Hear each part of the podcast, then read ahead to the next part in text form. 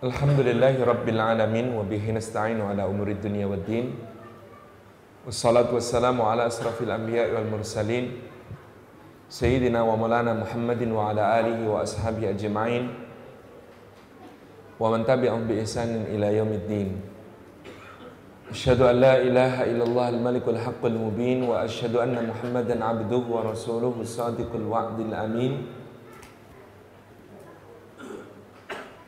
أحييكم بتحية الإسلامية تحية طيبة مباركة تحية من عند الله تحية أهل الجنة السلام عليكم ورحمة الله وبركاته Puji syukur kepada Allah Subhanahu wa taala atas limpahan karunia-Nya pada sore yang indah ini Allah menghimpun kita di rumahnya. Mudah-mudahan setiap langkah yang kita tempuh menuju ke tempat ini tiap tapaknya menguburkan dosa-dosa kita. Meninggikan derajat kita di sisi Allah Subhanahu wa taala dan menjadi pemudah jalan kita semua menuju ke surga. Dan duduk kita semua semoga termasuk taman di antara taman-taman surga Tempat Allah mencurah-curahkan rahmatnya, menaungkan sayap-sayap malaikatnya, menurunkan sakinah ke dalam hati kita dan menyebut-nyebut nama kita semua dengan bangga pada makhluk-makhluk mulia yang ada di sisinya. Dan duduk kita semua untuk menyebut-nyebut Rasulullah sallallahu alaihi wa alihi wasallam, Muhammad sallallahu alaihi wa alihi wasallam, berselawat kepada beliau sallallahu alaihi wasallam dan menyimak perjalanan perjuangan beliau sallallahu alaihi wasallam juga bersemangat untuk mengamalkan sunnah-sunnahnya insya Allah maka dengan demikian mudah-mudahan Allah memuliakan kita dengan berhak disambut oleh beliau sallallahu alaihi wasallam di al-haud. Diberi minum oleh beliau sallallahu alaihi wasallam dengan air yang lebih lembut dari susu, lebih manis dari madu, lebih sejuk dari salju. Di telaga Al-Kautsar bernaung di bawah panjinya di yaumil mahsyar dan mendapatkan syafaatnya hingga mendampinginya di surganya Allah Subhanahu wa taala. Bapak Ibu dan rekan-rekan yang disayang oleh Allah Subhanahu wa taala pada pertemuan yang lalu kita sudah membahas pembelaan Allah Azza wa Jalla kepada Rasulnya Sallallahu Alaihi Wasallam yang mendapatkan pendustaan, yang mendapatkan fitnah-fitnah, tuduhan-tuduhan yang sangat keji sebagai orang gila, sebagai penyihir, sebagai penyair, sebagai dukun, dan perkataan-perkataan yang tidak patut lainnya. Juga berbagai macam intimidasi kepada beliau sallallahu alaihi wa alihi wasallam dan Allah menurunkannya dalam suratul qalam di mana Allah azza wa jalla berfirman nun wal qalami wama yasturun. Nun yang sebagian ulama menafsirkannya sebagaimana menafsirkan huruf-huruf lain yang ada dalam Al-Qur'an Al Karim bahwasanya hanya Allah Subhanahu wa taala yang mengetahui maknanya tafwid kepada Allah Subhanahu wa taala tentang maknanya sebagian menyampaikan tentang makna nun sebagai huruf yang agung yang dengan huruf nun ini kata-kata dalam bahasa Arab baik isim maupun fi'il mengalami perubahan-perubahan makna yang signifikan. Ini di antara keutamaan huruf nun. Demikian pula ada yang menyampaikan nun adalah nama ikan yang tinggal di kedalaman lautan yang dulu pernah menelan Nabiullah Yunus alaihi salam sehingga beliau disebut sebagai Dhunnun dan ini adalah juga pengingat bagi Rasulullah sallallahu alaihi wasallam untuk tetap istiqomah dan teguh di dalam berdakwah. Agar tidak sebagaimana Yunus alaihi salam yang pada satu saat beliau khilaf sehingga meninggalkan kaumnya dalam keadaan marah wa dhannuni dan ingatlah Yunus alaihi salam ketika dia pergi dalam keadaan marah. Ini pergi dalam keadaan marah kepada kaumnya, dalam keadaan meninggalkan tugas dakwah sebelum diizinkan oleh Allah Subhanahu wa taala. Ini menjadi pelajaran penting bagi semua dai, terlebih-lebih Rasulullah wasallam untuk selalu istiqamah. Wal qalam demi pena makhluk yang pertama diciptakan oleh Allah Subhanahu wa taala dan dengannya Allah alam al insana ma lam ya'lam mengajarkan kepada manusia segala apa yang belum diketahuinya dengan al-qalam itu. Dan al-qalam ini adalah yang menulis atas perintah Allah segala ketentuan Allah Azza wa Jalla tentang makhluknya dari awal zaman sampai akhirnya setelah dia diciptakan. Wa ma yasturun dan demi apa yang ditulis. Demi apa yang ditulis oleh pena tersebut. Yang tersimpan di lauhil mahfud demikian pula pena-pena yang digunakan manusia. Dan apa-apa yang ditulis oleh pena yang digunakan manusia itu adalah pelajaran penting yang harus diambil ibrahnya sebagaimana juga malaikat-malaikat Allah yang mulia telah menulis lembaran-lembaran tentang catatan amal perbuatan manusia yang kelak akan dibuka di yaumil hisab tentang mereka yang kitab itu telah membuat takjubnya orang-orang yang ingkar dan bermaksiat kepada Allah sebagaimana disebutkan dalam suratul kahfi ya mali hadal kitab la yughadiru saghiratan wala kabiratan illa ahsaha. Aduhai kitab macam apa ini yang ternyata meliput semua hal yang ada di dalam kehidupan kecil maupun besar semuanya terliput tanpa kecuali. Tidak meninggalkan sedikit pun tidak melewatkan sedikit pun tidak. Kemudian ada yang tercecer sedikit pun. Kemudian Allah Subhanahu wa taala menyatakan ma anta bi ni'mati rabbika bimajnun. Engkau wahai Muhammad sallallahu alaihi wasallam disebabkan nikmat Rabbmu kepadamu, anugerah Allah yang diberikan kepada Nabi sallallahu alaihi wasallam, maka beliau sama sekali tidaklah gila.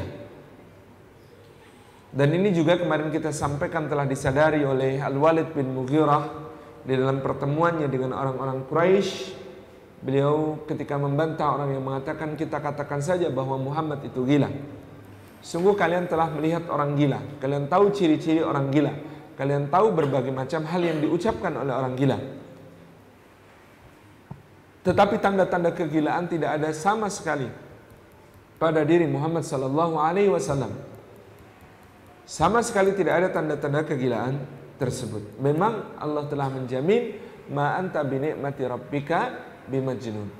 Sungguh wahai Muhammad, engkau ini disebabkan oleh nikmat Allah Subhanahu wa taala kepadamu, engkau sama sekali tidaklah gila.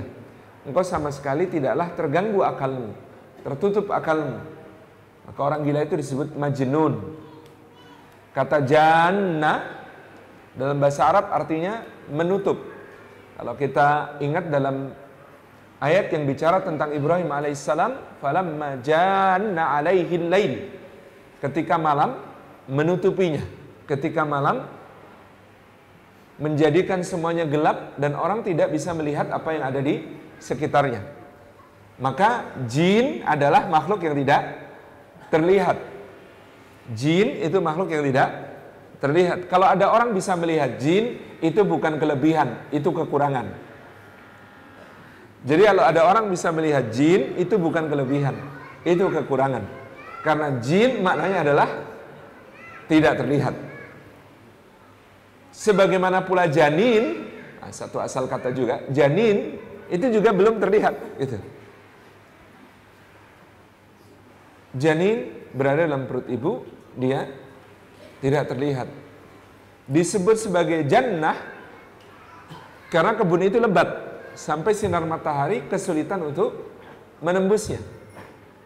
Disebut junnah ittakhadhu aymanahum junnatan fasaddu an sabilillah karena dipakai untuk menutupi tubuh dari serangan lawan. Junnah artinya perisai. Mereka telah mengambil sumpah-sumpahnya sebagai perisai untuk menutupi dirinya gitu ya dari apa-apa yang kemudian dilihat oleh orang-orang mukmin. Ini tentang orang-orang munafik yang kemudian mereka menyimpangkan dari jalan Allah Subhanahu wa taala. Di perisai itu disebut junnah karena dipakai untuk menutup gitu ya. Majnun kenapa disebut majnun? Karena akalnya tertutup. Akarnya nggak kelihatan fungsinya. Itu majnun. Ini yang kita pahami dari kalimat tersebut. Jadi tadi ya, jin itu artinya tidak terlihat. Kalau bisa melihat jin, segera banyak berzikir, segera sembuhkan diri kita dengan merukyah diri kita sendiri. Karena itu bukan kelebihan, itu adalah kekurangan, gitu ya. Karena seharusnya, seharusnya manusia tidak melihat jin. Jin melihat manusia, tapi manusia tidak melihat tidak melihat jin.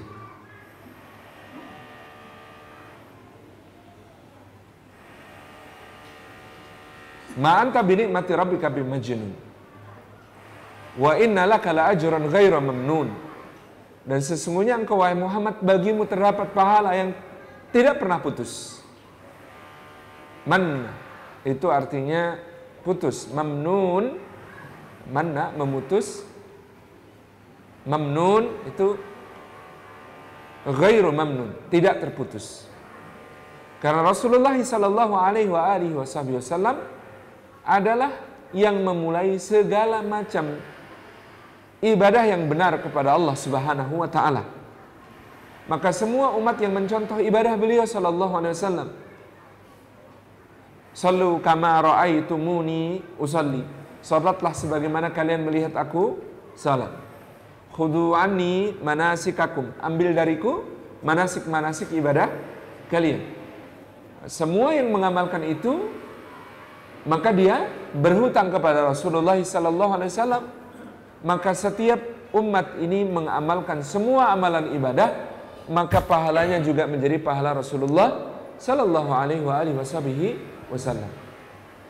Ghairu mamnun. Tidak akan berhenti pahala itu sampai hari kiamat. Selama ada orang yang beramal dengan amalan yang dicontohkan oleh beliau sallallahu alaihi wasallam. Bukan hanya amal ibadah tetapi semua hal yang lain dari yang sifatnya akhlak, dari yang sifatnya muamalah dengan sesama, adab-adab dan seterusnya. Bagaimana Allah mengatakan yatlu alaikum ayatina kama arsalna fikum rasulan minkum yatlu alaikum ayatina wa yuzakkikum wa yu'allimukum alkitaba wal hikmah wa yu'allimukum ma lam takunu ta'lamun Rasulullah sallallahu alaihi wasallam itu diutus oleh Allah Subhanahu wa taala untuk menjadi kesempurnaan nikmatnya bagi semua. Wali utimma nikmati alaikum wala'allakum tashkurun. Dan supaya kami sempurnakan nikmatku kepadamu wahai manusia wahai orang-orang yang beriman dan supaya kalian bersyukur atas nikmat-nikmat itu kama arsalna fikum rasulan minkum. Sebagaimana telah kami utus seorang rasul dari kalangan kalian sendiri yaslu alaikum ayatina yang pertama rasul itu membacakan untuk kalian ayat-ayat kami. Maka semua kita membaca Al-Quran Al-Karim, pahalanya juga akan kembali kepada Rasulullah Sallallahu Alaihi Wasallam, mengalir kepada Rasulullah Sallallahu Alaihi Wasallam. Alaikum ayatin. Sebab Al-Quran ini yang mengajarkan adalah beliau Sallallahu Alaihi Wasallam. Kalau kita bertemu dengan orang-orang yang meminti sanat bacaan Al-Quran yang sahih itu gitu ya. Mereka akan membaca sanatnya gitu ya. Dari gurunya, dari guru-gurunya, dari guru-guru gurunya, dari guru-guru guru-guru gurunya terus naik ke atas sampai sekian tingkat, sekian tingkat, sekian tingkat gitu. Kemudian nanti pada para sahabat dikatakan an Utsman bin Affan wa Ali bin Abi Talib wa Zaid bin Thabit wa Mu'adz bin Jabal wa Ubay bin Ka'ab wa Abdullah bin Mas'ud an Rasulillah sallallahu alaihi wasallam an Jibril alaihi salam an Rabbih azza wa jal. Gitu kan? Di sanad Quran itu nyambungnya bukan cuma sampai Rasulullah sampai ke Allah azza wa jalla.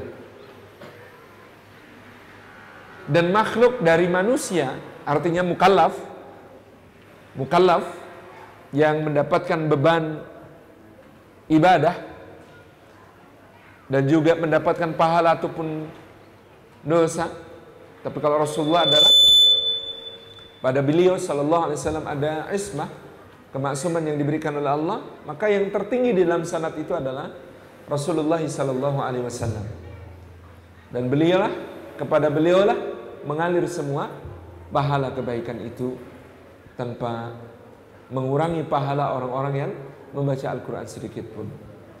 Jadi ini yaslu alaikum ayatina. Kita membaca Al-Quran saja, pahalanya kembali kepada Rasulullah SAW.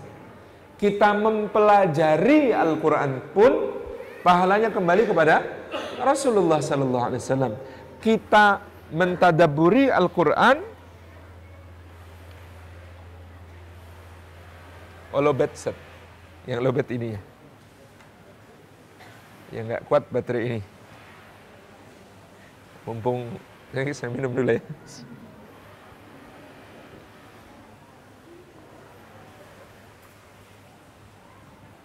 Lobet. Oke. Okay. Pas. Kita mentadaburi Al-Quranul Karim pun pahalanya kepada Rasulullah Sallallahu Alaihi Wasallam. Itu ya.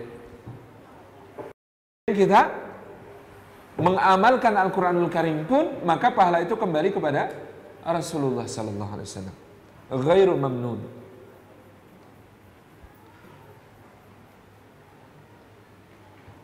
Yaslu alaikum ayatina wa yuzakkikum dan mentaskiyah kalian, membersihkan hati kalian, mensucikan diri kalian dari noda-noda jahiliyah, dari perkara-perkara yang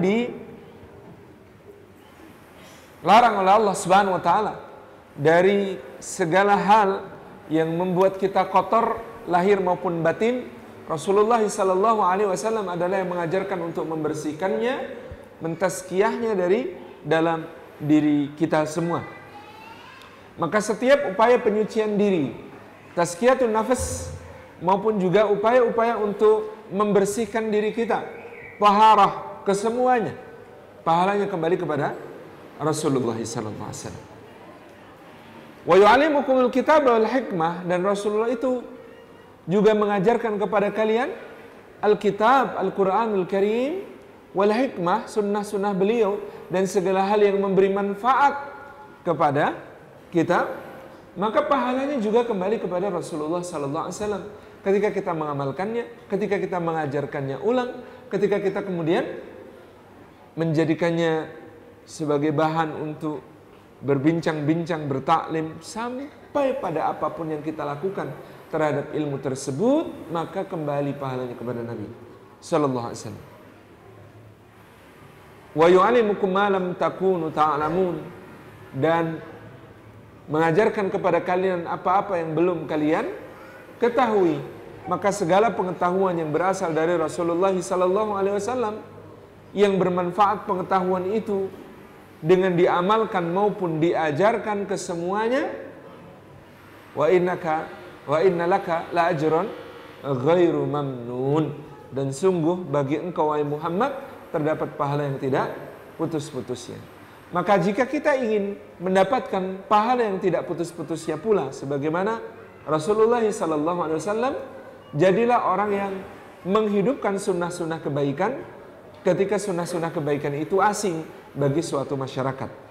Man sanna fil islami sunnatan hasanatan falahu ajruha wa ajru man amila biha ila yaumil qiyamah. Siapa yang mengamalkan satu sunnah kebaikan, lalu dengan itu dia diikuti oleh masyarakat, diikuti oleh orang lain, sunnah itu lalu hidup karena dia yang menghidupkan, maka baginya pahala beramalnya sendiri itu juga pahala orang-orang yang mengikutinya terus menerus tanpa henti ditambahkan kepadanya sampai yaumil qiyamah. Jadi memperbanyak menghidupkan sunnah-sunnah kebaikan ini ini adalah sesuatu yang yang mulia. Ini adalah sesuatu yang besar. Demikian pula mengajarkannya.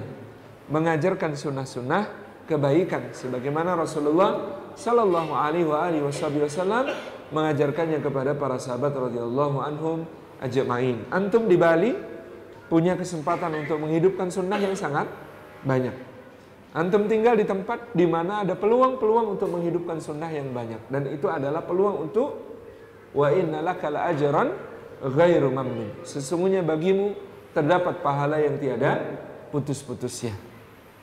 Sunnah dari Rasulullah SAW itu sangat sangat banyak. Gitu ya, menghidupkan sunnah dengan syiar misalnya sunnah bersiwak setiap kali akan memasuki masjid, setiap kali akan sholat, sunnah bersiwak ketika akan bertemu dengan keluarga dan istri, ya, sunnahnya Rasulullah Sallallahu Alaihi Wasallam. Sunnah menghidupkan sunnah dengan gitu ya, memangkas kumis, memelihara jenggot di tengah masyarakat yang asing dengan hal tersebut. Ini juga adalah bagian dari ihya sunnah, menghidupkan sunnah. Menghidupkan sunnah berpakaian yang syar'i di tempat di mana gitu ya. Jarang orang berpakaian syar'i, menghidupkan sunnah, memakai hal-hal yang disukai oleh Rasulullah sallallahu alaihi wasallam Begitu luas ya pemaknaan terhadap wa yu'allimukumul kitab wal hikmah wa yu'allimukum ma lam takunu ta'lamun. Mengajarkan kepada kalian kitab dan hikmah, mengajarkan kepada kalian segala sesuatu yang belum kalian ketahui. Wa inna lakala ajran ghairu mamnun. Maka dengan itu akan beroleh pahala yang tiada putus. Wa innaka la'ala khuluqin azim dan Allah Subhanahu wa taala mempersaksikan dari atas langit tentang akhlak Rasulullah sallallahu alaihi wasallam wa innaka la'ala khuluqin azim dan sungguh engkau wahai Muhammad benar-benar berada di atas akhlak yang sangat agung. Ibunda kita Aisyah radhiyallahu anha ditanya, "Wahai ibunda, bagaimanakah akhlak Rasulullah sallallahu alaihi wasallam itu?" Maka ibunda kita mengatakan, "Apakah kalian tidak membaca Al-Quran. Allah taqra'ul Quran. Apakah kalian tidak membaca Al-Quran? Karena khuluquhul Quran, karena sesungguhnya akhlak beliau sallallahu alaihi wasallam adalah Al-Quran Karim. Kemudian di kesempatan yang lain ibunda kita Aisyah ditanya lagi, bagaimana ke akhlak Rasulullah sallallahu alaihi wasallam? Maka ibunda kita Aisyah radhiyallahu anha menjawab, apakah kalian tidak membaca ayat wa innaka la'ala khuluqin adim dan sungguh engkau Muhammad berada di atas akhlak yang sangat agung. Engkau wahai Muhammad berada di atas akhlak yang sangat agung. Wahai ibunda kata orang-orang kepada Aisyah radhiyallahu anha, berikanlah contoh kepada kami bagaimana keagungan akhlak Rasulullah sallallahu alaihi wasallam itu. Maka ibunda kita Aisyah menceritakan pada suatu hari Aku membuatkan makanan untuk Rasulullah sallallahu alaihi wasallam. Dan demikian pula Hafsah membuatkan makanan untuk Rasulullah sallallahu alaihi wasallam. Maka aku berkata kepada pelayanku, kepada budakku kata Aisyah, jika nanti Hafsah datang duluan membawa makanannya, maka apa namanya? Ketika dia datang, tamplek itu apa bahasa bahasa Indonesia? bukan orangnya. Jadi piringnya itu yang dipukul supaya jatuh. Pukul piringnya sampai jatuh dan pecah ketika dia mendatangi Rasulullah Sallallahu Alaihi Wasallam. Maka budak itu melakukan apa yang diperintahkan ibunda kita Aisyah radhiyallahu anha sehingga Hafsah terkejut dan menangis dan kemudian kembali ke rumah. Maka Rasulullah Sallallahu Alaihi Wasallam langsung menuju kepada piring yang telah terbanting jatuh dan pecah itu mengumpulkannya, kemudian membersihkan makanannya, memasukkannya kembali ke dalam wadah, lalu kemudian dia berkata kepada budakku, carilah pengganti piring yang serupa dengan ini. Kepada Aisyah, jika dia tidak memilikinya, datanglah kepada ayahnya. Jika ayahnya tidak memilikinya, datanglah kepada Bani Taim, kepada kabilahnya. Kemudian didatangkanlah piring itu karena aku memilikinya kata Aisyah. Kemudian Rasulullah meletakkan kembali makanan yang tadi jatuh itu ke dalam piring. Lalu dia datang ke rumah Hafsah radhiyallahu anha menyerahkan kembali makanannya. Kemudian beliau tidak berkata apa-apa kepadaku, tidak memarahiku, tidak menegurku, tidak mempermalukanku, tidak mengolok-olokku. Ini yang dikatakan oleh ibunda kita Aisyah radhiyallahu anha. Wa innaka la'ala khuluqin azim. Aisyah ditanya oleh seorang putranya, putra dari saudarinya, ini Asma namanya Urwah bin Zubair. Kepada ibunda kita Aisyah dia bertanya, "Wahai ibunda, kabarkanlah kepada kami hal yang menakjubkan tentang Rasulullah sallallahu alaihi wasallam." Maka ibunda kita Aisyah radhiyallahu mengatakan kana kullu amrihi ajaba Bagaimana aku akan mengabarkan kepadamu satu hal yang menakjubkan sementara Rasulullah SAW itu seluruh perkaranya menakjubkan. Kemudian Urwah mengatakan ceritakanlah satu hal kepada kami tentang itu. Ibunda kita Aisyah radhiyallahu anha bercerita pada suatu hari beliau berada di dalam rumahku dan kami sudah berbaring di pembaringan. Kulit kami telah saling menempel satu sama lain. Kemudian beliau sallallahu alaihi wasallam berbisik ke telingaku, "Wahai Aish, berkenankah engkau? Relakah engkau? Ridhokah engkau kalau malam ini aku gunakan untuk beribadah kepada Rabbku Azza wa Jalla?" Kata Aisyah radhiyallahu anha, "Ya Rasulullah, sesungguhnya aku ini suka jika engkau berada di dekatku, tetapi aku juga suka kalau engkau beribadah kepada Rabbmu." Kemudian Rasulullah bangkit berdiri, beliau mengambil air wudhu, kemudian beliau salat malam dan menangis terseduh-seduh sampai kaki beliau pecah, sampai beliau melaksanakan salat itu sampai Bilal mengumandangkan azan awal. Beliau membaca ayat yang beliau ulang-ulang dan membuat beliau terus menangis sampai kaki beliau pecah, sampai beliau mengakhiri salatnya justru ketika bilang mengumandangkan azan awal. Inilah keagungan akhlak Rasulullah sallallahu alaihi wasallam.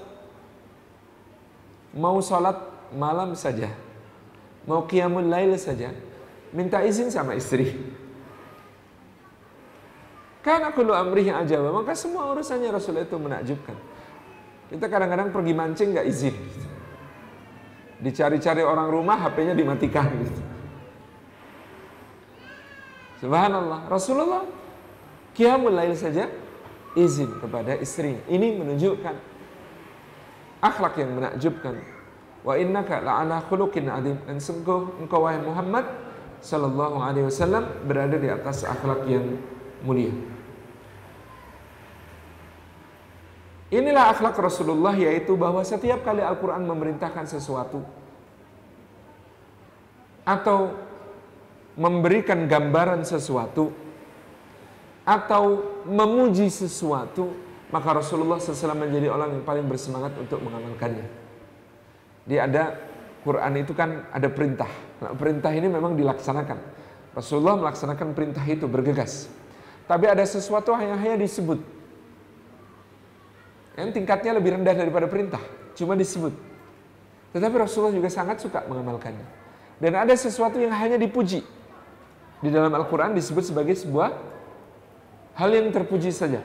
Dan Rasulullah SAW juga mengamalkannya. Ini adalah beliau Sallallahu Alaihi Wasallam. Kapan saja Al-Quran melarang sesuatu, demikian pula beliau adalah orang yang paling bersemangat untuk meninggalkannya. Pada sesuatu yang dicela Al-Quran, sebegitu pula beliau tinggalkan. Bukan cuma yang dilarang, tetapi sesuatu yang dicela oleh Al-Quran dan pada sesuatu yang didiamkan oleh Al-Quran Karim maka beliau melakukannya secara proporsional tidak melampaui batas tidak berlebih-lebihan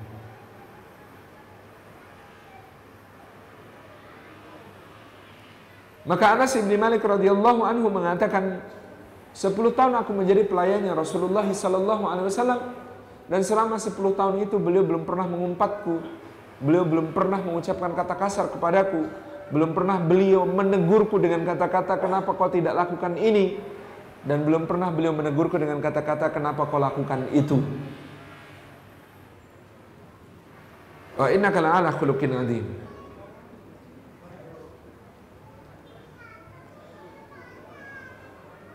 Kata Anas bin Malik lagi, Rasulullah SAW adalah orang yang paling baik akhlaknya.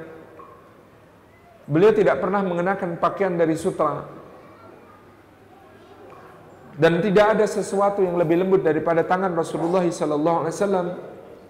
Dan sungguh aku tidak pernah mencium wangian yang lebih wangi daripada keringat Rasulullah SAW.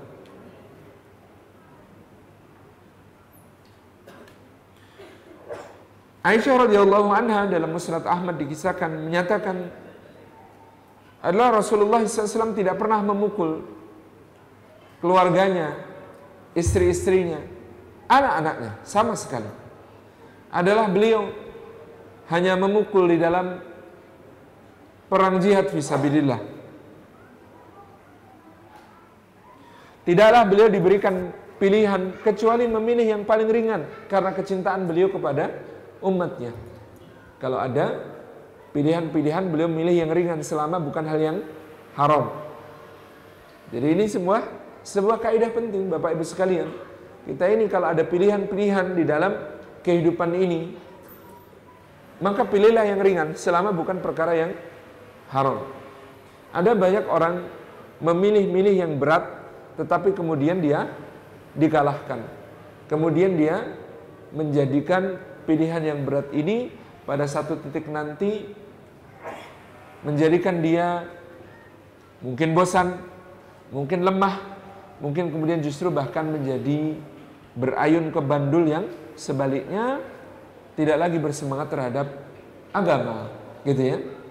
Maka perkara ini adalah perkara yang diambil yang ringan. Kaidahnya jelas, yuridullahu bikumul yusra wa la yuridu bikumul usra. Allah menghendaki kemudahan bagi kalian dan Allah tidak menghendaki kesukaran bagi kalian. Maka Rasulullah menyukai hal-hal yang mudah dan ringan selama itu bukan perkara yang haram. Bapak-bapak juga begitu. Ibu-ibu juga begitu. Memilih hal-hal yang ada dalam pilihan pilihan selama bukan perkara-perkara yang haram, maka hendaklah memilih yang ringan. Yang ringan ini tidak membebani jiwa, yang ringan ini insya Allah akan membuat lebih istiqomah. Adalah Sayyidina Abdullah bin Amr bin Al-As yang menyesali pilihannya ketika muda. Karena tidak memperhitungkan bahwa dia akan mencapai usia tua. Abdullah bin Amr bin Al-As diadukan oleh ayahnya kepada Rasulullah Sallallahu Alaihi Wasallam karena ibadahnya membuat dia sampai-sampai meninggalkan istrinya dan tidak mempedulikan keluarganya. Kemudian wahai Abdullah, khatapkanlah Al-Quran itu dalam 30 hari. Ya Rasulullah memerintahkan kepada Abdullah bin Amr bin Al-As agar dia menghatamkan Al-Quran dalam 30 hari. Kata Abdullah bin Amr, saya mampu lebih dari itu ya Rasulullah. Maka Rasulullah mengatakan kepadanya, maka hatamkanlah dalam 10 hari. Dia mengatakan lagi, saya mampu lebih dari itu ya Rasulullah. Kemudian Rasulullah mengatakan, khatamkanlah dalam sepekan. Dia mengatakan lagi, saya mampu lebih dari itu ya Rasulullah. Maka Rasulullah berkata kepadanya, khatamkanlah dalam tiga hari dan jangan kurang dari itu, karena sungguh orang yang menghatamkannya kurang dari tiga hari akan kesulitan untuk memahami apa yang dia baca. Kemudian Rasulullah bertanya lagi, bagaimana engkau berpuasa? Saya berpuasa tiap hari ya Rasulullah. Jangan wahai Abdullah, tetapi berpuasalah tiga hari setiap bulan, yaitu di ayamul bid. Lebih dari itu ya Rasulullah. Kalau begitu berpuasalah hari Senin dan hari Kamis di setiap pekan.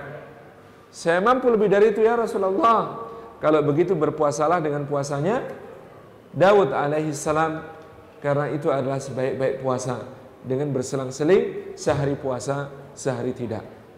Ini dijalankan Abdullah bin Amr bin As sepanjang hidup sampai ketika usia beliau sudah 86 tahun.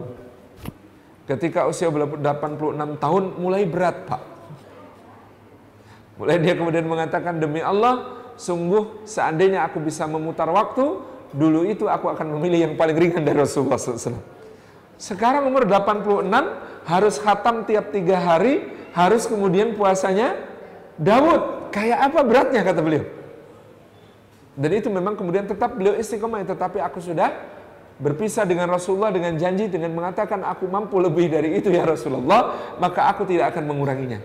Sehingga beliau ini akhirnya ketika sudah sangat lemah tidak mampu untuk membaca Al-Quran sendiri, dia datangkan orang-orang yang membaca Al-Quran sehingga dia menyimak. Karena orang yang menyimak sama dengan yang membaca. Jadi ada orang membacakan dia, dia simak sampai sampai tuntas. Tapi nyimak betulan kita ini kadang-kadang nyimak pikirannya ke mana?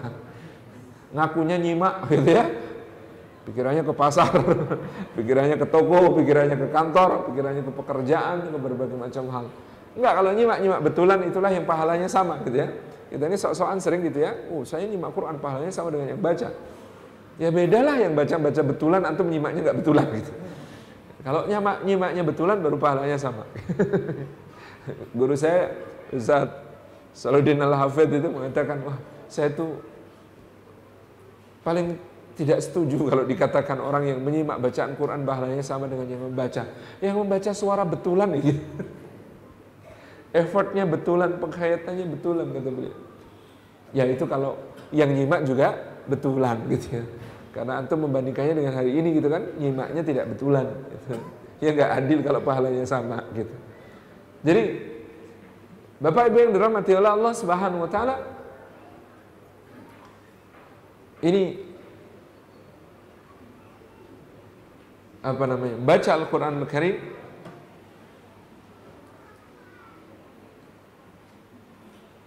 yang dilakukan oleh Abdurrah bin Amr bin Al-As radhiyallahu anhu ini dilakukan dengan cara demikian. Puasa, nah ini yang berat kata beliau. Puasa nggak bisa diwakilkan.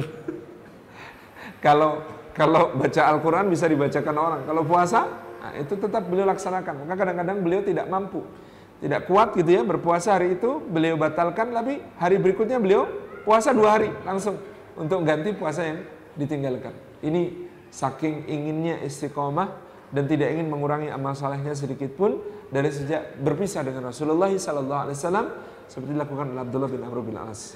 Ini kenapa kemudian kita ini memilih yang ringan supaya bisa istiqomah sampai akhir hayat. Kalau mau nambah, nanti justru kalau sudah akhir hayat itu, jadi lebih baik sekarang ringan, ringan, ringan istiqomah, ambil yang mudah, mudah, mudah istiqomah, ambil yang sedikit, sedikit, sedikit istiqomah gitu ya. Tetapi nanti kemudian kita bisa meningkatkannya di akhir-akhir gitu ya. Daripada sekarang banyak tapi makin menurun, makin menurun, makin menurun. Ini jangan sampai terjadi. Kalau bisa minimal istiqomah, minimal sama terus amal kita ini kita pertahankan. Kalau nggak bisa, mending sekarang ambil yang ringan-ringan dulu gitu ya ambil yang ringan-ringan dulu, tapi lakukan sepenuh hati. Sesuatu yang ringan, dilakukan sepenuh hati, gitu ya. Itu lebih bermakna daripada memaksakan diri melakukan berbagai macam hal yang berat, tetapi ternyata kita belum bisa untuk kemudian mempertahankannya keistiqomahannya nanti di waktu-waktu yang akan datang. Jadi beramal soleh itu juga harus visioner. Lihat-lihat nanti kalau umur 50, 60 kuat apa enggak. gitu ya. Ya memang ada logika, amal itu sekarang yang penting kesempatan, mumpung ada kesempatan lakukan. Itu juga kemudian dibolehkan kalau niatnya begitu. Tapi amalan-amalan mahdoh, amalan-amalan mahdoh ini yang kita ingin istiqomahkan sampai akhir hayat kita, ikutilah manhaj Rasulullah SAW. Selama bukan yang haram, pilihlah yang ringan. Selama bukan perkara yang dilarang Allah, pilihlah sesuatu yang lebih mudah untuk di, dilakukan. Wa innaka la'ala khuluqin adim. Jadi inilah akhlak Rasulullah sallallahu alaihi wa alihi wasallam dan salah satu yang berbicara tentang pribadi Rasulullah sehingga tergambar akhlak dan adab beliau yang sangat banyak itu adalah kitab Asy-Syama'il Al-Muhammadiyah karya Al-Imam At-Tirmidzi rahimahullah taala.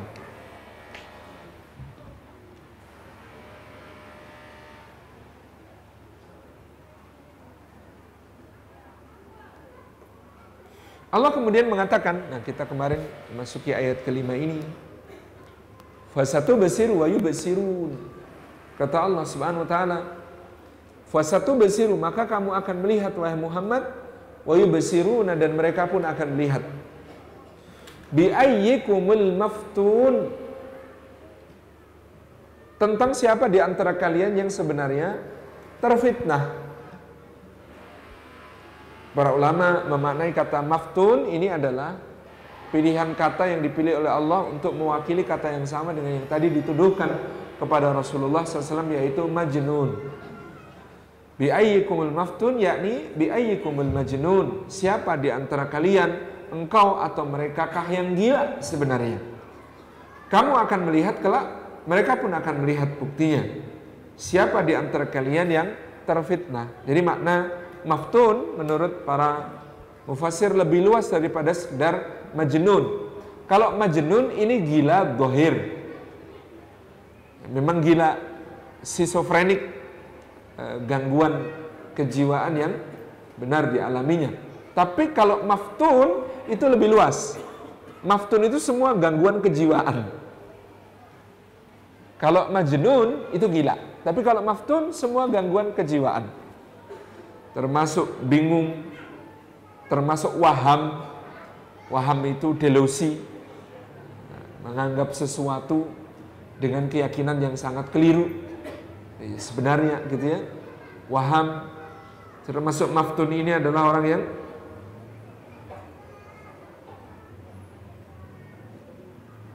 bingung, kacau pikirannya, tidak tahu arah yang benar, tersesat. Ini adalah makna dari maftun yang sangat luas. Fasatu besiru wayu besirun. Ada harinya Allah akan menegakkan hujah wahai Muhammad tentang siapa sebenarnya yang terfitnah, siapa sebenarnya yang gila. Dan lebih luas dari gila itu adalah mengalami gangguan jiwa apa pun itu. Engkau ataukah mereka? Allah akan memperlihatkannya. Fasatu besiru wayu besirun bi ayyikumul maftun tentang siapa di antara kalian yang menjadi orang yang terfitnah, yang bingung, yang gila, yang stres, yang keruh hatinya, yang tersesat, yang tidak mampu menemukan kebenaran, yang waham, yang delusi gitu ya. Biayikumul maftun engkau dan mereka akan melihat buktinya. Inna rabbaka huwa a'lamu biman dhalla an sabilihi wa huwa a'lamu bil muhtadin. Inna rabbaka sesungguhnya Rabb wahai Muhammad huwa adalah dia. A'lam yang lebih mengetahui. Bima dhalla an sabili tentang siapa orangnya yang tersesat dari jalannya. Wa huwa a'lam dan dia lebih mengetahui bil muhtadin terdapat terhadap orang-orang yang mendapatkan hidayah, mendapatkan petunjuk. Maka ini ayat ini juga bicara kepada kita sebagaimana pesan Allah kepada Rasulullah SAW agar tidak tergesa menghukumi seseorang, tidak tergesa untuk kemudian mengatakan seseorang itu tersesat atau mendapatkan hidayah. Tidak menghukumi orang berdasar masa lalunya, gitu ya. Tidak bisa menentukan kita ini siapa yang berada di surga, siapa yang berada di neraka. Sama sekali bukan haknya kita.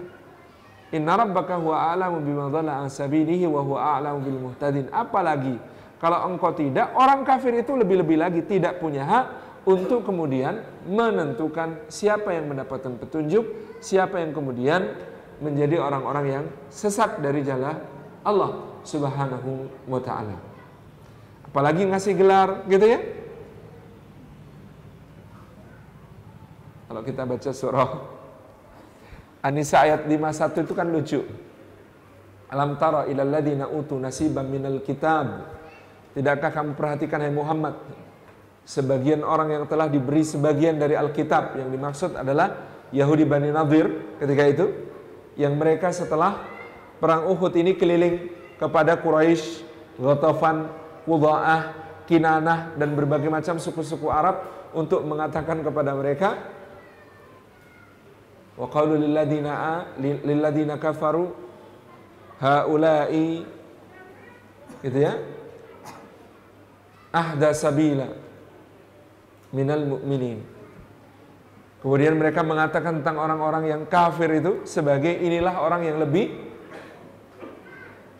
lebih mendapatkan hidayah jalannya daripada orang-orang yang mengatakan mereka adalah orang-orang beriman yaitu Rasulullah sallallahu alaihi wasallam dan para sahabat itu.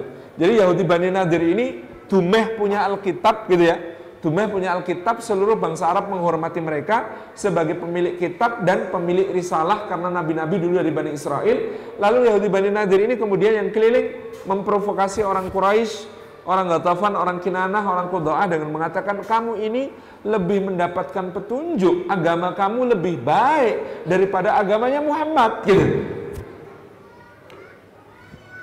Kamu ini lebih pantas dapat gelar sunan gitu ya. santri gitu ya. Subhanallah.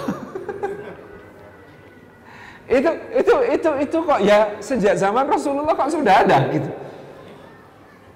Bani Nadir ini killing provokasi begitu caranya gitu. Subhanallah. Ini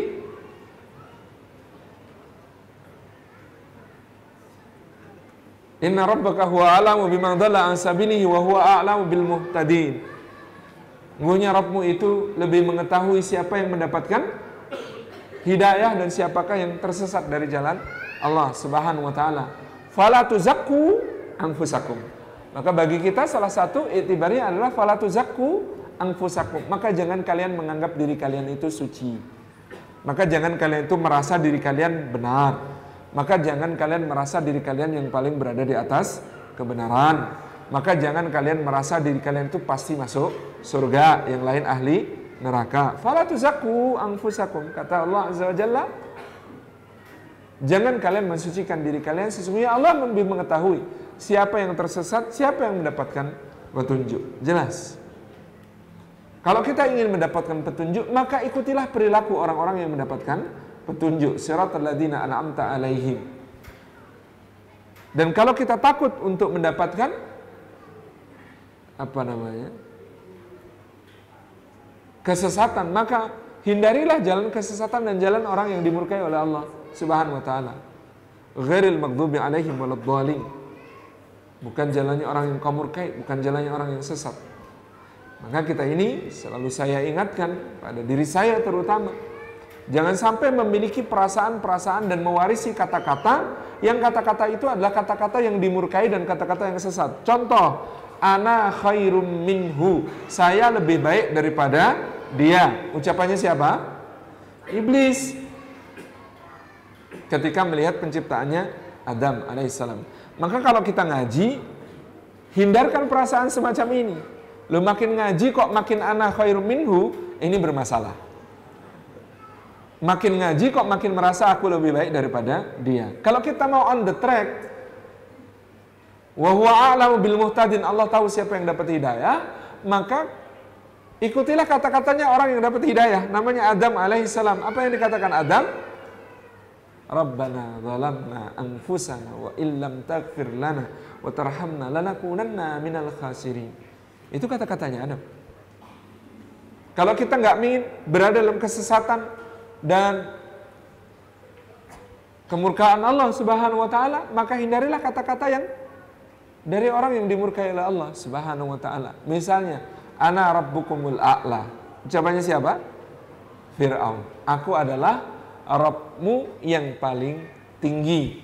Aku ini tuanmu yang paling tinggi. Tidak kudapati bagimu Tuhan selain aku. Tidakkah kamu perhatikan sungai Nil mengalir di bawah kakiku? Bani Israel menjadi budakku. Apalagi negeri Mesir berdarah dalam genggamanku. Kata-kata Firaun, nggak usah niru kalau begitu. Gitu. Lebih baik niru kata-kata orang yang muhtadin mendapatkan hidayah. Misalnya, hada min fadli rabbi liyabluwani aashkuru am akfur. Ini tidak lain tidak bukan hanyalah karunia Rabbku untuk menguji aku apakah aku bersyukur ataukah aku kufur. Kata-katanya siapa? Sulaiman alaihissalam.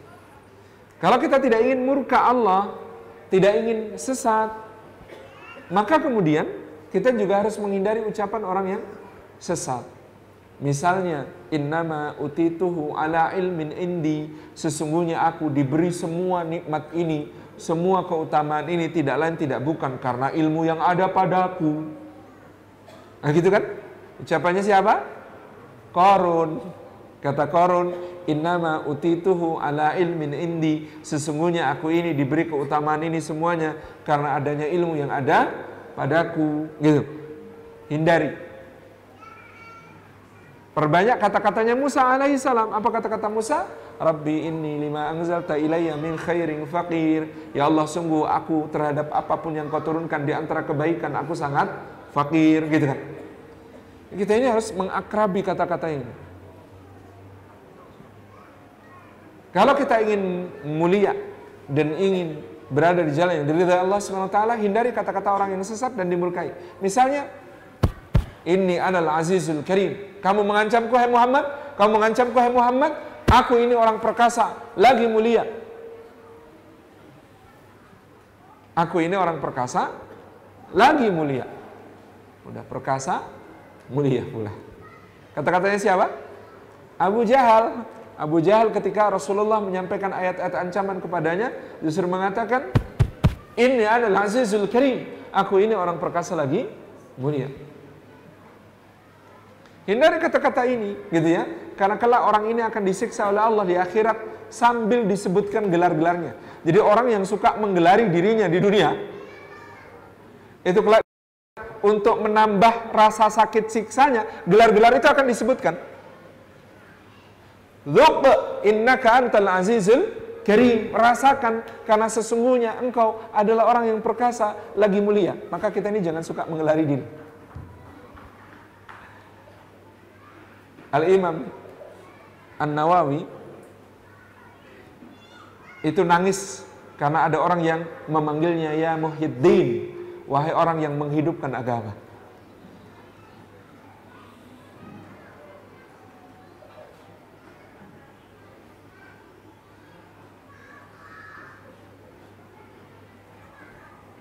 Syekh Muhammad Yasin Al-Fadani rahimahullah taala yang oleh para ulama sezamannya dikenali musnidud dunya, musnid, pemilik sanatnya seluruh dunia. Beliau kalau dengar ada orang memanggil begitu, uskut, uskut, uskut, diam, diam, diam, diam, diam. Syekh Muhammad bin Salih Al-Utsaimin dalam satu muhadarah MC-nya mengatakan Fadilatul Syekh Al-Allamah baru di, dibilang Al-Allamah. Al-Allamah itu artinya yang saat alim. Beliau kemudian berdiri. Kemudian keluar dari ruangan. Orang-orang menyusulnya. Bertanya, kenapa ya Syekh? Kalau masih kalian panggil aku Allamah, aku tidak akan duduk di sana. Panggil saja namaku. Kemudian beliau duduk lagi. Kita ini kadang-kadang suka-suka menggelari gelar-gelar kepada diri kita sendiri. Pakailah gelar. Yang dengan gelar itu kita menyadari kedudukan kita sebagai hamba. Maka para ulama dulu biasa mengatakan abdu rabbih wa asiru dzambih gitu. Saya ini adalah hamba Rabb sekaligus tawanan dosa. Saya ini hamba Allah tapi tawanan dosa saya sendiri. Ini para ulama dulu karena mereka sangat memahami arti apa yang digelar-gelarkan itu. Karena orang yang gelarnya tidak cocok dengan dirinya, kelak di akhirat ketika disiksa akan ditambahkan gelar itu sebagai tambahan rasa sakit kepadanya. Zuk innaka antal azizul karim.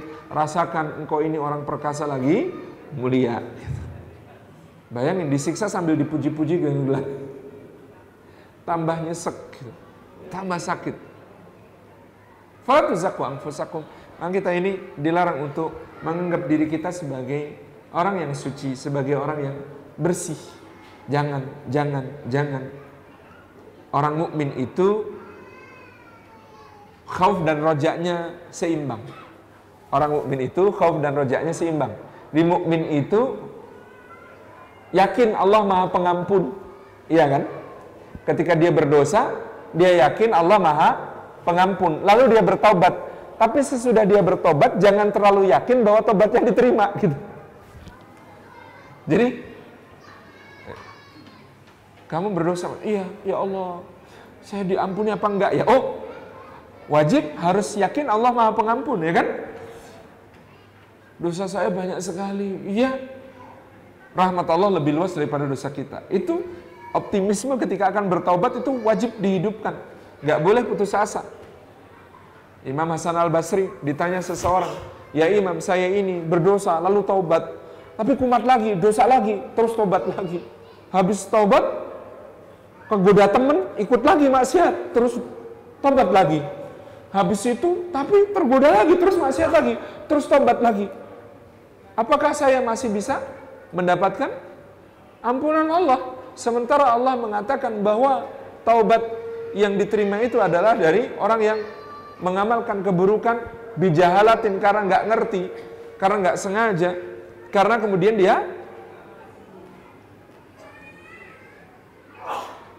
melakukannya karena kebodohannya, belum ngerti kalau itu dosa, lalu habis itu nggak ngulangin lagi. Yang begitu kan yang dijamin Allah diampuni. Lah kalau saya ini gimana? Dosa tobat, dosa tobat, dosa tobat, dosa tobat. Nggak berhenti berhenti ya Imam. Apa jawaban Imam Hasan al Basri? Masa Allah. Tabarak rahman. Kata Imam Hasan al Basri, menurutmu siapakah yang membisikkan ke dalam dadamu bahwa engkau tidak perlu bertobat. Karena tobatmu tidak diterima. Kira-kira yang akan bisikkan begitu siapa? Setan. Yang memutus harapan kita untuk diampuni Allah itu setan. Eh, setan ya imam. Terus menurutmu apa yang dibisikkan setan itu benar atau salah? Salah. Ya sudah, berarti gimana? Ya udah, setiap dosa tobat gitu aja. Ya kalau bisa jangan dosa, gitu ya. Mencegah lebih baik daripada mengobati. Kata Ibnu Qayyim al-Jauziyah, dosa itu kayak luka. Dosa itu kayak luka. Makin banyak lukanya, peluang matinya makin gede. makin banyak lukanya, peluang binasanya makin besar. Gitu ya. Kalau bisa jangan dosa. Tapi penting untuk diingat kita ini perlu beristighfar ketika merasa berdosa. Tapi jauh lebih perlu lagi beristighfar kalau merasa tidak berdosa. Karena merasa tidak berdosa itu adalah dosa yang lebih dosa daripada dosa. Jadi, merasa tidak berdosa itu adalah dosa yang lebih dosa daripada dosa. Gitu. Subhanallah gitu.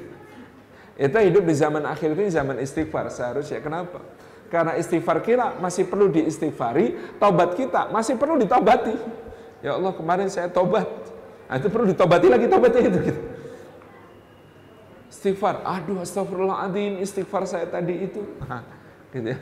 Dan lain sebagainya ini nggak henti-henti. Ini yang harus kita lakukan di di zaman yang seperti ini. Ya, kata Ibnu Rajab Al-Hambali, kalau kamu tidak mampu bersaing dengan orang-orang soleh dalam amal ketaatannya, maka bersainglah dengan para pendosa dalam istighfarnya. Bersainglah dengan para pendosa dalam istighfarnya. Fala tuzakku anfusakum. Innallaha Inna rabbaka huwa a'lamu biman dhalla an sabilihi wa huwa a'lamu bil muhtadin. Sesungguhnya Rabbmu itulah yang lebih mengetahui siapa yang menyimpang. Dhalla itu arti asalnya adalah menyimpang, sesat dari jalan Allah Subhanahu wa taala dan dia lebih mengetahui siapakah yang mendapatkan petunjuk. Maka jangan menghukumi orang karena masa lalunya. Ada orang yang berniat membunuh Rasulullah sallallahu alaihi wasallam, sekarang duduk berbaring mesra di sampingnya, tidur berbaring mesra di sampingnya. Itulah Sayyidina Umar bin Khattab radhiyallahu anhu. Jangan menghukumi orang karena garis keturunannya. Musuh Al-Quran salah satu yang paling berat yang ucapannya sangat mempengaruhi orang-orang kafir untuk tetap kafir namanya Walid bin Mughirah. Tapi Walid bin Mughirah itu punya anak namanya Khalid bin Walid yang menjadi pedang Allah yang dihunusnya kepada orang-orang kafir, gitu ya. Jangan menghukumi orang dari apa yang dimilikinya. Sepatu emasnya Firaun ada di neraka, sandalnya Bilal ada di surga, gitu ya. Pilih sepatu emas apa sandal? Sepatu emasnya Cristiano Ronaldo aja disumbangin ke Gaza gitu ya. Jadi biar nggak ke neraka, sumbangin ke Gaza. Kita doakan dapat hidayah. Kita doakan orang-orang yang menurut kita dalam pandangan kita baik ini dapat hidayah. Ini termasuk amal Rasulullah SAW. Rasulullah itu bahkan mendoakan dapat hidayah pada Abu Jahal dan Umar bin Khattab radhiyallahu anhu. Dan Allah memilih Umar Umar bin Khattab radhiyallahu anhu. Jadi memuji orang orang yang belum kenal Allah masih kafir tapi adil ini juga bagian dari akhlak Islam. Rasulullah itu memuji Najasyi Asamah ketika belum masuk Islam dengan kata-kata huwa malikun la yudlamu ahadun indah. Yang namanya Najasyi Asamah itu adalah raja yang di sisinya tidak didolimi seorang pun. Kita muji misalnya Justin Trudeau, Perdana Menteri Kanada, yang dengan begitu welcome-nya menyambut pengungsi-pengungsi Suriah yang memperlakukan dengan adil, yang kemudian melindungi komunitas muslim di Kanada, yang datang langsung ke lokasi masjid di Kanada yang dibakar, menyampaikan pidato yang sangat mengharukan, yang sangat baik. Yang, yang seperti itu kan sebaiknya didoakan dapat hidayah. Meskipun Donald Trump juga gitu ya, itu kayak negaranya sebelahan pemimpinnya tuh bertolak belakang gitu ya. Justin Trudeau ini ternyata punya nenek buyut orang Nias dari Indonesia. Jadi dia berdarah berdarah Indonesia. Gitu.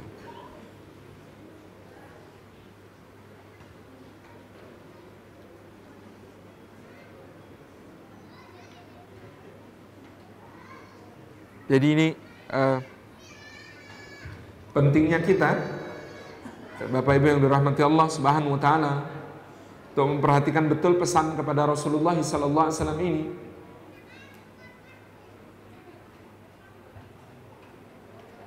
Inna rabbaka a'lamu wa a'lamu biman dhalla an sabilihi wa huwa a'lamu bil muhtadin. Maka kita ini harus senantiasa memohon hidayah. Jangan selalu merasa telah berada di atas hidayah, tapi selalu berhajat kepada Allah untuk membutuhkan hidayah. Maka kita ini selalu membaca ihdinas siratal mustaqim.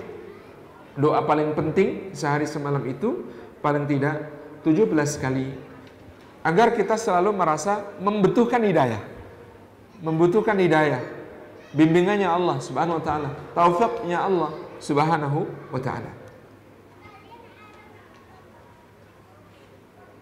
Ini Sayyidina Umar itu. Kalau Hudzaifah ibn Yaman ada beliau selalu ikuti di Madinah. Untuk apa? Karena Hudzaifah ini pegang daftar nama-nama orang munafik di Madinah. Kalau disolatkan Hudzaifah, Umar ikut solat. Kalau Hudzaifah nggak nyolatkan, Umar nggak nyolatkan. Karena Hudzaifah bin Yaman pegang daftar nama-nama orang munafik dan itu Hudzaifah disumpah sama orang berulang kali ditanyain, "Wahai Hudzaifah, katakan kepadaku di daftarmu ada nama aku apa enggak?"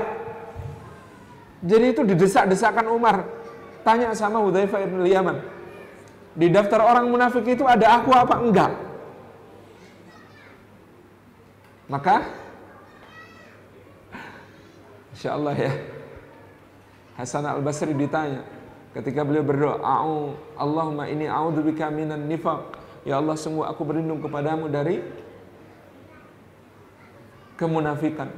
Nah, ada orang tanya, muridnya tanya, Wah imam, Anda masih berdoa minta perlindungan dari kemunafikan. Apakah Anda masih khawatir takut jadi munafik? Kata Imam Hasan al-Basri, bagaimana aku tidak takut pada perkara yang bahkan Umar bin Khattab takut? Umar bin Khattab saja takut sekali dirinya masuk daftar orang-orang munafik. Padahal itu Syekhan Islam. Dua syekhnya Islam itu kan ya Abu Bakar dan Umar. Abu Bakar dan Umar. Rasulullah ke mana-mana gitu ya. Dakhal tu ma Abu Bakrin wa Umar. Kharaj tu ma Abu Bakrin wa Umar. Jitu ma Abu Bakrin wa Umar. Ke mana-mana aja bilangnya, aku datang bersama Abu Bakar dan Umar. Aku masuk bersama Abu Bakar dan Umar. Aku pergi bersama Abu Bakar dan Umar. Dahab tu ma Abu Bakrin wa Umar. Itu yang di, di, dibilang Rasulullah diikuti terus itu ya. Bareng Rasulullah terus itu ya.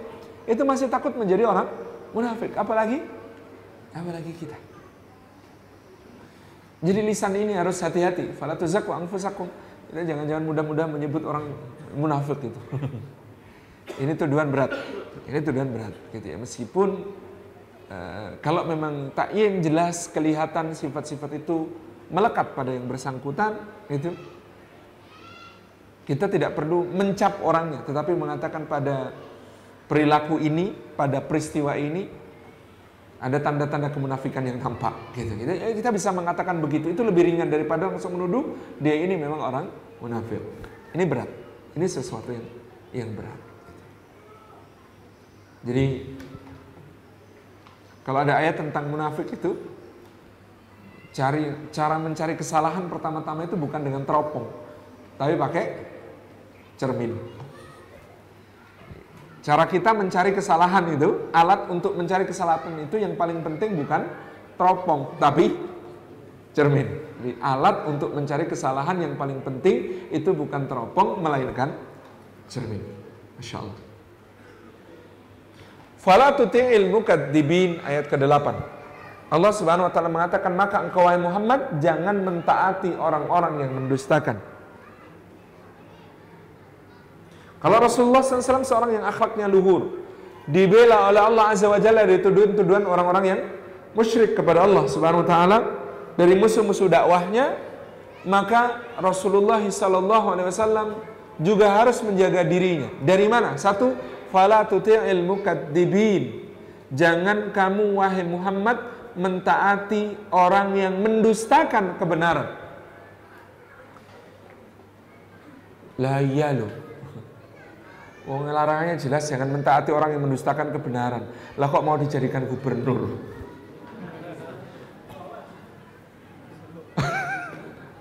Fala tuti'il mukadzibin. Maka jangan taati orang yang mendustakan ayat-ayat Allah Subhanahu wa taala. Mendustakan itu bisa biqaulin au fi'lin. Bisa dengan perkataan maupun perbuatan gitu. Subhanallah ya, dan memproduksinya kedustaan itu nggak habis-habis. Ada berita terlanjur viral ke mana-mana. Ada seorang calon wakil gubernur diusir dari masjid. Subhanallah, padahal ternyata beritanya keliru. Dibantah oleh kepolisian bahkan. Tidak ada pengusiran. Yang ada cuma diajak foto, disalami. Kemudian dari dalam ada yang teriak, pilih nomor tiga. Gitu. Ngusir apa kalimat pilih nomor tiga itu? Nggak ada usir-usiran, tapi beritanya subhanallah. Sampai tuduhan mengerikan ke mana-mana terjadi.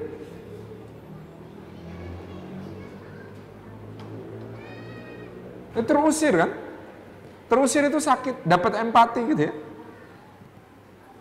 Padahal selama masa pemerintahan gubernur yang itu, yang terusir dari rumahnya, 300 ribu orang. Digusur dengan berbagai macam alasan, dipindah ke rumah susun, nyewanya ternyata harganya dinaikkan gitu ya. Fasilitasnya nggak dapat tempat pekerjaan nggak ada. Akhirnya kemudian meninggalkan juga rumah susun itu pulang ke kampung halaman. Yang terusir itu siapa sebenarnya? Yang diusir itu siapa sebenarnya? Ngeri fitnah itu. Ngeri yang dilakukan ini. Tapi saya kan selalu menyampaikan tugas kita berjuang bukan menang kalau kita sudah berjuang sampai titik darah penghabisan, kita sudah berjuang sesuai arahan Rasulnya, sesuai arahan Allah Azza wa Jalla, gitu ya. Berjuang gitu. Sana kok memaksakan pengen menang dengan segala cara, dengan melakukan kecurangan, dengan melakukan manipulasi, dengan berbagai macam cara, dengan money politics, dengan uh, mengerahkan segenap aparat gitu ya, dari ketua RT sampai presiden gitu. Supaya menang yang dikerahkan dari ketua RT sampai presiden gitu misalnya gitu kan. Ya kalau kita orang Jawa tinggal bilangnya terus terus no. Terus terus no gitu. Kenapa? Ibrahim tugasnya mendakwai Namrud. Sampai pada titik level tertinggi yang bisa beliau lakukan adalah mendebat. Debat dengan Namrud. Habis itu dia diusir dibuang dari negerinya Namrud dan Namrud meneruskan kejahatannya yang bersih maharajalela. Ibrahim dari kejauhan cuma bilang, terus-terus no. Siapa yang menghancurkan Namrud?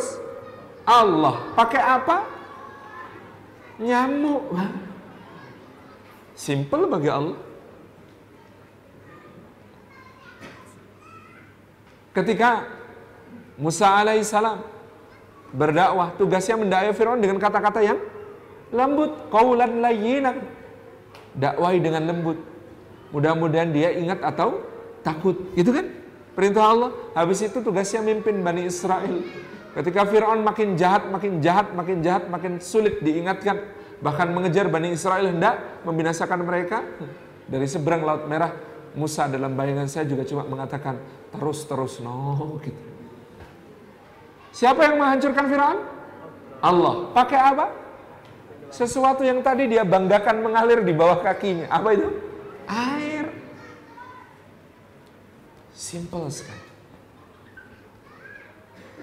Talut. Tugasnya apa? Mimpin pasukan. Berjihad visabilillah. Orangnya berapa? Nggak banyak. Sudah nggak banyak. Di jalan ada air sungai mengalir. Itu dijadikan ujian pula sama Allah. Untuk liyamizal khabitha minat tayyib. Memisahkan yang bersih hatinya niatnya dengan yang yang kotor. Di situ, di sungai itu, masya Allah ya, ternyata orang yang di dalam hatinya memperturutkan syahwat sekecil apa pun, padahal ini cuma syahwat minum loh. Itu oleh Allah akan diminggirkan, minggir, kamu nggak layak ikut barisan ini.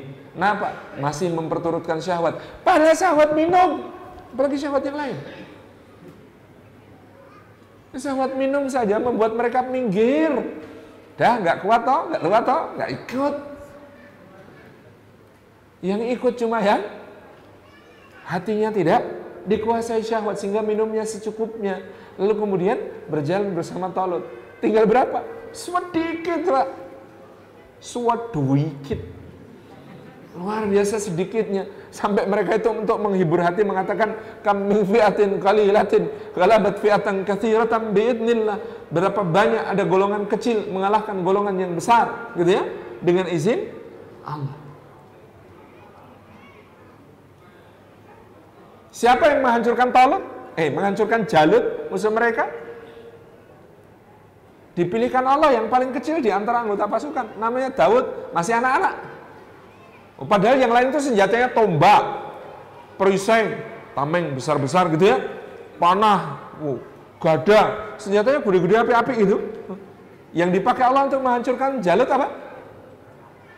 Ketapel pak batu mak pletik kena antara kedua mata gegeledak, beng kebanting, brek mati. Terus terus mau.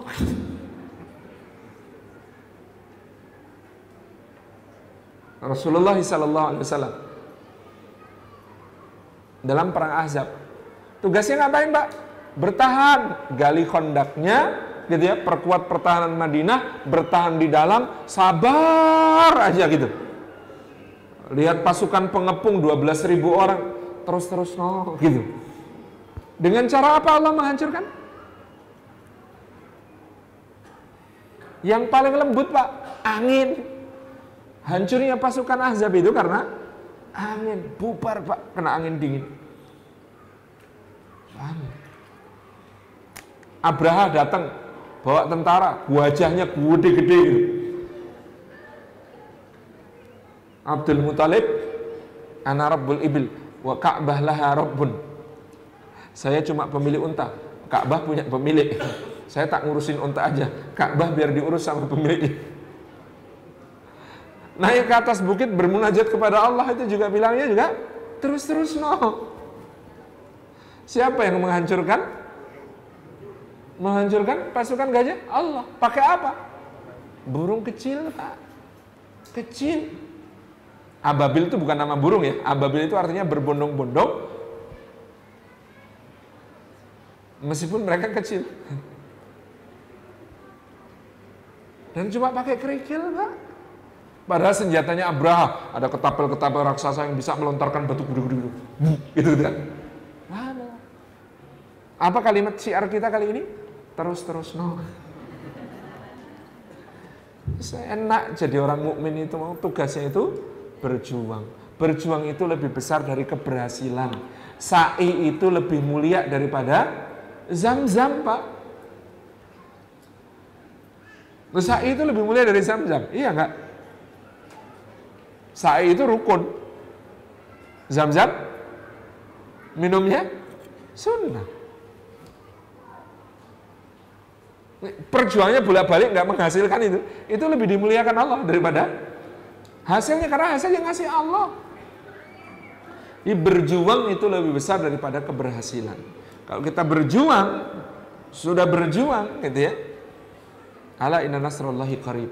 Pertolongan Allah dekat. Tenang aja. Terus-terus loh. Mau tak tulis nanti itu. Terus-terus loh gitu. Fala tuti'il mukadzibin. Maka wahai Muhammad jangan ikuti orang-orang yang telah mendustakan ayat-ayat Allah. Waddu lau tudhinu fayudhinun. Sebagian mufasir menunjukkan ayat ini merujuk kepada Utbah bin Rabi'ah dan Syaibah bin Rabi'ah. Mereka menginginkan supaya kamu melunak terhadap perjuanganmu, maka mereka juga akan melunak terhadap dirimu. Kalau kamu memperlunak perjuanganmu, kompromi dengan mereka, maka mereka akan memperlunak sikap kepadamu. Allah memperingatkan, pada satu kondisi tertentu, jangan kompromi Pak. Waddu, mereka menginginkan, lautudhinu, kalau kamu melunak, maka mereka akan fayudhinun, melunak juga kepadamu. Uzbah ini diriwayatkan menemui Rasulullah SAW menawarkan, wahai Muhammad, kenapa kamu ini? Apakah kamu ini gila? Apakah kamu ini sakit? Kalau kamu sakit kami akan carikan tabib. Apa kamu pengen kawin? Istrimu kan sudah tua. Sudah mau meninggal. Kami carikan gadis tercantik seluruh Arab. Kami nikahkan kepadamu. Apa kamu itu pengen harta? Biar ini para pemuka Quraisy semuanya bagi dua hartanya. Dikumpulkan. Biar dikasihkan kepadamu. Apa kamu ini kedudukan? Oke, kalau begitu kami angkat engkau seperti kakekmu dulu. Pemimpin tertinggi kota Makkah. Tapi tolong Muhammad, jangan hina Tuhan-Tuhan kami. Jangan hinakan sesembahan kami. Jangan lecehkan agama kami. Jangan sebut kami ini musyrik. Jangan sebut kami ini orang-orang yang rendah. Mau Pak ditawari begitu? Kompromi. Wadu lautudhinu fayudhinu. Enggak. Enggak boleh. Fala tuti'il mukadzibin. Jangan kamu taati mereka. Udwa bin Rabi'ah datang lagi satu katil. Wahai Muhammad, mana yang lebih baik? Kamu atau kakekmu? Mana yang lebih baik? Kamu atau bapakmu? Kalau mereka, mereka lebih baik, kakekmu, bapakmu tidak pernah menghina ajaran nenek moyang kami. Tidak pernah menghina syiar-syiar kami. Itu bapakmu, itu kakekmu. Mereka memang lebih baik daripada kamu. Macam-macam yang diomongkan. Rasulullah menghormati. Dia lebih tua. Didengarkan oleh Rasulullah. Disimak dengan baik. Setelah selesai, Ya Abul Walid, kata Rasulullah SAW. Apakah engkau sudah selesai? Sudah. Duduklah. Karena aku tadi sudah mendengarkanmu, maka sekarang aku minta kamu dengarkan aku. Adil, kata Utbah bin Rabi'ah. Lalu Rasulullah bacakan ayat-ayat Al-Quran, dia dengarkan. Pulang itu kayak orang kesurupan. Ini tadi Muhammad ngomong apa? Uh, dahsyat eh. Dia yang diomongin Muhammad ini nggak mungkin kata-katanya sendiri. Bawahnya kokoh, atasnya memberikan buah. Dahsyat ini kata-kata Muhammad ini. Udah deh, udah deh. Akhirnya ketemu orang-orang Quraisy yang mengutus dia. Bagaimana hasilnya? Kamu berhasil mengintimidasi Muhammad supaya menghentikan dakwahnya. Gini, gini, gini kata Utbah bin Rabi'ah. Ku beritahu kalian, sebaiknya kalian gak usah musuhin Muhammad lagi. Dulu, dulu. Gimana maksudnya? Begini, kalau dia memang akan hancur binasa, biar dia dihancurkan, dibinasakan oleh orang-orang Arab yang lain. Jangan kita kotori tangan kita dengan darah kekerabatan dan nasab Muhammad yang nasab mulia di Bani Hashim dan Bani Muthalib. Tapi kalau Muhammad nanti ditakdirkan berjaya, menang urusannya, aku jamin untuk kalian, kemenangannya, kejayaannya akan menjadi kemenangan dan kejayaan pula bagi kalian. Abu Jahal bilang apa? Tambah satu lagi yang kena sihir. Ini pendapatku, kata Utbah. Terserah kalian. Tapi inilah berbahayanya punya teman jelek, Pak. Pada waktu perang Badar, pasukan perang Badarnya Quraisy akan diberangkatkan itu, Utbah dan Syaibah bin Rabi'ah itu sudah menyatakan diri nggak akan ikut. Kami nggak mau ikut memerangi Muhammad. Kalian berangkat saja. Apa yang dilakukan Abu Jahal? Beli pakaian gamis baru untuk perempuan. Baju yang sangat cantik berenda-renda. Hiasannya warna-warni. Mereknya bukan full heart. Kalau full heart lebih bagus. Terus baju perempuan yang warna-warni meriah ini dikirim kepada Utbah. Tulisan di ucapan selamatnya, selamat memakai bajumu. Memang kamu layaknya pakai beginian. Dikirimi baju perempuan, tersinggung dia, dibabat baju perempuan itu pakai pedang, kemudian dia langsung pakai baju besinya, berangkat paling depan di perang Badar. Ini bahayanya punya teman jelek. Provokatif lagi temannya gitu.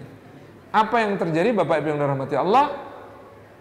Utbah bin Rabi'ah, Syaibah bin Rabi'ah, anaknya Walid bin Utbah adalah korban pertama yang tumpah darahnya di perang Badar. Dihajar oleh Hamzah bin Abdul Muthalib, Ali bin Abi Talib, dan Ubaidillah bin Haris bin Abdul Muthalib. Itulah yang menjadikan Hindun binti Utbah sangat dendam kepada Hamzah bin Abdul Muthalib sehingga di perang uh, perang Uhud perang berikutnya dia memerintahkan Wahsy membunuh Hamzah dan kemudian dia membedah dadanya dan mengunyah-ngunyah jantung Hamzah radhiyallahu anhu. Ini gara-gara punya teman jelek. Waddu lautudhinu fayudhinun. Padahal dia itu menginginkan supaya dia melembut, kamu melembut, di dalam perjuangan melembek, maka mereka juga akan melembek kepadamu.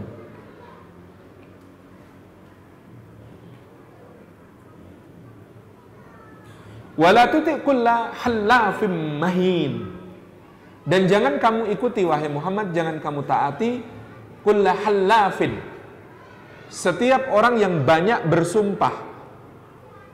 Banyak bersumpah. Ini ciri jelek yang dulu disematkan orang Arab adalah orang yang banyak sumpah. Dikit-dikit sumpah, dikit-dikit sumpah. Sesuatu itu kalau banyak jadi murah. Di mana-mana sesuatu itu kalau banyak menjadi murah, kecuali akhlak. Akhlak itu makin banyak makin mahal. Tapi di mana-mana sesuatu itu kalau makin banyak makin murah. Beras kalau pasaran lagi banyak gitu ya panen lagi banyak lagi musimnya maka jadi murah. Duren kalau lagi musimnya jadi murah gitu ya. Segala sesuatu kalau banyak itu murah kecuali akhlak. Kalau akhlak makin banyak makin mahal gitu ya. Insya Allah jadi kalau orang sumpahnya banyak berarti sumpah bagi dia adalah perkara yang murah Orang kok dikit-dikit sumpah, dikit-dikit sumpah. Berarti dia sama sekali tidak menghormati sumpah. Dikit-dikit janji, dikit-dikit janji. Berarti dia tidak menghormati janji sebenarnya. Ini wala tuti halaf. Jangan kamu ikuti orang yang banyak bersumpah, mahin lagi dia itu hina.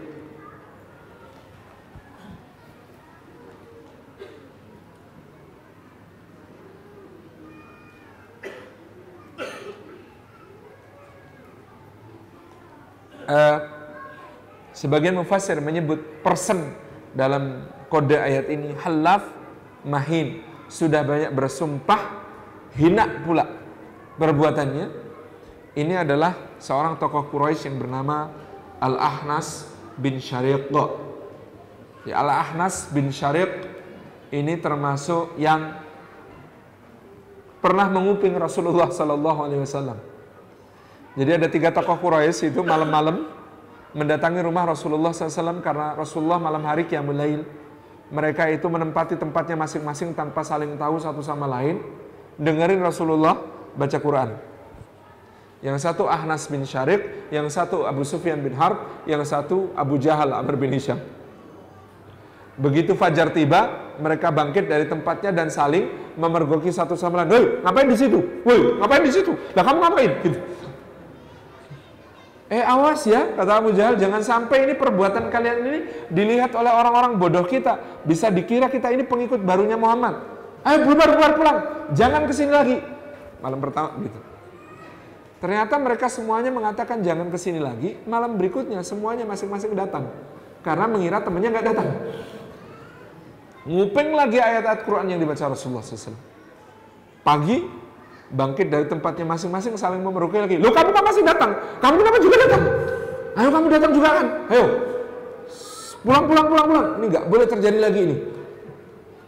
Mereka sudah saling berjanji untuk hal itu supaya tidak terjadi. Allah Nas bin Syarik sampai sumpah-sumpah. Sumpah besok saya nggak ke sini lagi.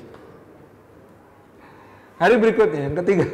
Ternyata mereka tetap di situ lagi bertiga di tempatnya masing-masing. Begitu fajar hari ketiga ini muncul, Abu Jahal langsung narik kemudian mengatakan, demi Allah, kita tidak akan meninggalkan tempat ini sebelum kita bertiga bersumpah atas nama semua Tuhan yang kita sembah bahwa kita tidak akan balik ke sini. Lu sumpah semua. Pulang ke rumah masing-masing. Yang paling nggak tahan itu Allah Anas bin Syarik ternyata. Dia kemudian mendatangi Abu Sufyan bin Harb. Abu Sufyan, tiga malam kita ngupingin Muhammad kan? Ya. Kamu ketemu nggak hal buruk dari yang dikatakan Muhammad? Kata Abu Sufyan, sebenarnya sih enggak. Terus gimana? Kita ini kenapa sih musuhin dia? Gitu. Jadi Allah Rasul ini tanya, kenapa sih kita musuhin dia? Aku juga bingung kata Abu. Aku juga bingung kita ini ngapain gitu kan. Udah kita ketemu Abu Hakam, ketemu Abu Jahal yuk, gitu. Ketemu Abu Jahal. Ya Abul Hakam, kamu tiga malam menguping Muhammad kan? Ya. Kamu ketemu nggak ucapannya Muhammad itu yang jelek, yang yang buruk, yang keliru, yang salah, yang batil? Ada nggak? Kata Abu Jahal, nggak ada. Beneran nggak ada? Nggak ada. Loh kenapa kita memusuhi dia? Nah, kata Abu Jahal. Tahu tidak? Bani Abdi Manaf. Suku besarnya Rasulullah itu Bani Abdi Manaf. Kan ada Hashim bin Abdi Manaf sama Mutalib bin Abdi Manaf. Itu kakek Rasulullah itu namanya Hashim bin Abdi Manaf, kakek buyut Rasulullah. Hashim bin Abdi Manaf. Jadi kabilah besarnya namanya Abdi Manaf. Nah Abdi Manaf ini punya saudara namanya Abduddar. Mereka adalah putra Kusai bin Kilab, tokoh Quraisy yang terkemuka pada masa lalu. Ya. Bani Abdi Manaf dengan Bani Abdiddar itu dari dulu saingan. Ya, Umayyah, Mahzum itu Abduddar. Bani Umayyah, sukunya Abu Sufyan.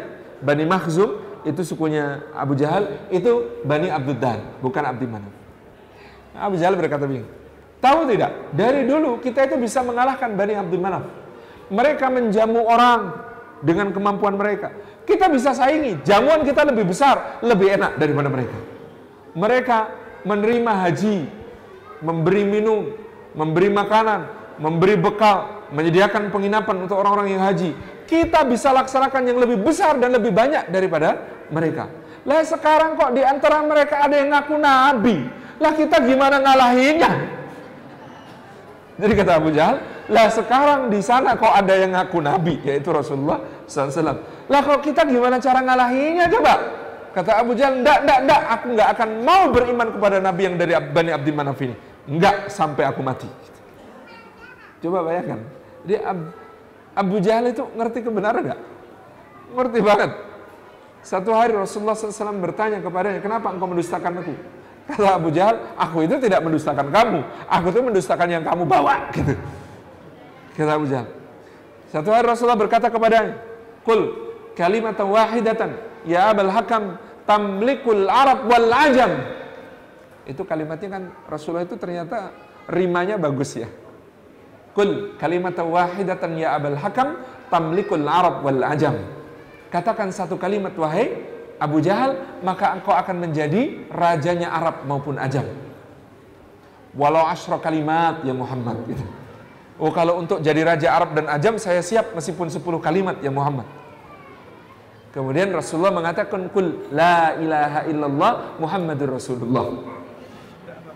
Begitu dengar kalimat itu kata Abu Jahal, tilka kalimah yaghdabuhal muluk itu kalimat yang tidak disukai raja-raja. Jadi kalimat la ilaha illallah itu kalimat yang tidak disukai raja-raja. Ketika Rasulullah menawarkan menawarkan tamlikul Arab wal Ajam, engkau akan jadi rajanya Arab dan Ajam.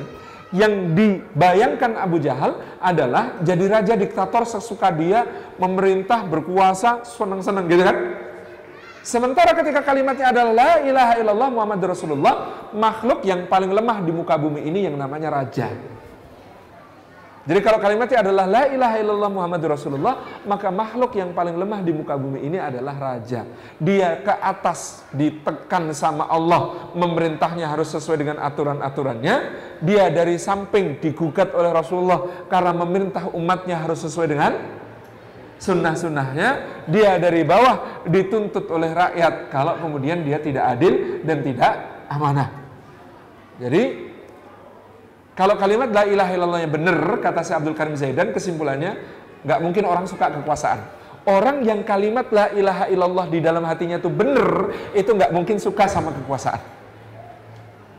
Kalau diberi amanah dia laksanakan, tapi sukanya enggak. Makanya Umar bin Abdul Aziz itu sudah disubio-subio, semua orang mengatakan khalifah, khalifah, khalifah, amirul mu'min, amirul mu'minin. Umar bin Abdul Aziz pidato pertama mengatakan, demi Allah, sungguh aku orang yang lemah aku tidak mampu untuk melaksanakan amanah ini. Demi Allah aku meletakkan amanah ini. Siapa di antara kalian yang menginginkan untuk menjadi khalifah, kemarilah aku yang akan membayarnya pertama kali. Orang mengatakan, enggak, kami maunya kamu kok. Nangis dia. Kalian telah meletakkan aku di tubir neraka jahanam. Nah ini orang la ilaha illallahnya benar. Maka dia tidak bisa mencintai kekuasaan. Kalau orang kok cinta kekuasaan, pengen berkuasa dengan segala cara, pasti la ilaha illallahnya benar pasti la ilaha illallahnya nggak benar. Itu aja, klik kesimpulannya. Karena kata Abu Jahal ini, ini dalilnya dari Abu Jahal ini. Ini penting ini, harus tahu dalilnya dari Abu Jahal. Tilka kalimah yang hal muluk. Itu kalimat yang pasti dibenci oleh raja-raja. Jadi kalimat la ilallah itu kalimat yang pasti dibenci oleh raja-raja. Wala tutiqullah lafim mahin. Sampai di situ ya. 5 menit yang lalu saya sudah diperingatkan waktunya habis. Jadi kita akhir dulu kita sambung insya Allah dengan pembahasan gitu ya. Uh, yang berikutnya hamasim masya'im bin amim manna'il khairi mu'tadin asim utullim ba'da dhalika zanim. An kana da mali wa bani idza tutsla alaihi ayatuna qala asatirul awlin. Itu nanti persennya menurut mufasir beda-beda. Kita nanti akan telisik satu persatu insyaallah jazakumullah khairan. Assalamualaikum warahmatullahi wabarakatuh